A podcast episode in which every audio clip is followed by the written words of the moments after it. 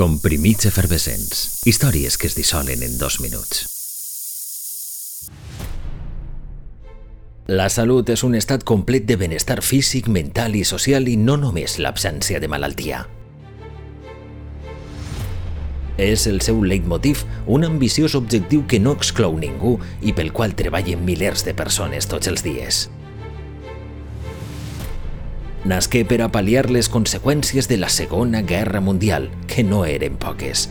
Un 7 d'abril entrava en funcionament l'OMS, l'Organització Mundial de la Salut. En realitat, el concepte d'un organisme transnacional que permetera actuar de forma eficaç i global en l'àmbit de la salut ja nasqué a mitjan segle XIX però la idea no va esbossar-se fins a la Conferència Internacional de Salut de 1946.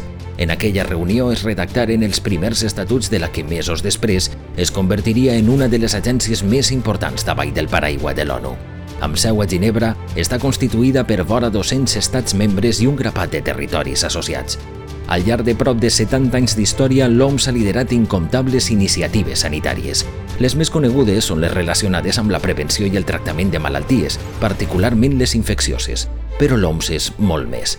Treballa en àmbits educatius, promou costums alimentaris saludables, garanteix aigua potable, aire saludable o desenvolupa programes de planificació familiar. Cada any se celebra este dia com el Dia Mundial de la Salut en commemoració de la fundació d'est organisme un 7 d'abril de 1948.